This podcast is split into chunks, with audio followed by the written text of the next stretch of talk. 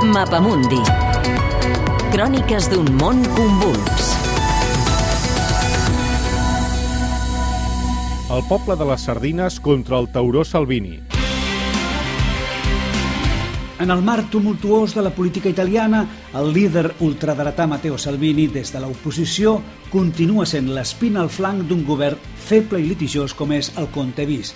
L'exministre de l'Interior sap que les eleccions del 26 de gener a la regió roja d'Emília-Romanya, centre neuràlgic del poder del Partit Democràtic, seran essencials per tombar l'executiu de Roma. Per això ha començat una campanya electoral persistent i sense treva dos mesos abans. Els últims sondejos no fan presejar un panorama tranquil·litzador per al Partit Democràtic des que el soci de govern, el Moviment 5 Estrelles, ha decidit presentar-se separat a les urnes. Davant la inoperància i desorientació dels polítics, temerós que passi el mateix que Úmbria, on la Lliga va resar a l'octubre, s'ha mobilitzat el poble, el poble de les sardines.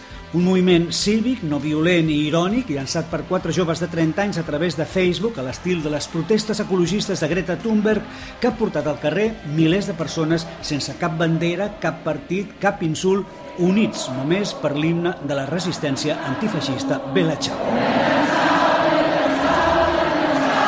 El símbol són 10 sardines unides dibuixades amb llapis amb els ulls mirant cap amunt on està escrit el lema del moviment No es lliga i el nom de la ciutat. La primera manifestació va ser a Bologna. La primera idea era fer de contrapès a l'exuberància populista de Salvini amb concentracions populars a les ciutats on il capitano convocava actes electorals.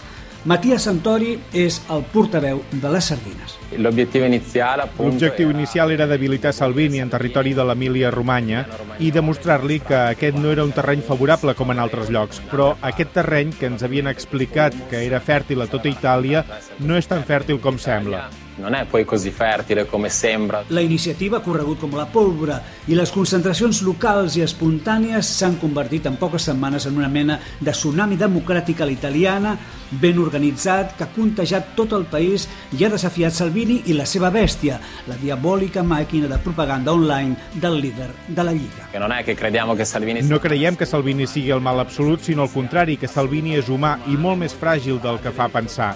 De fet, ha sigut vençut per quatre joves que hem premut dos botons de l'ordinador, malgrat la bèstia. la bestia. Aquests peixets petits i indefensos s'han anat envalentint, com fan les sardines quan fan pinya i es mouen en grup.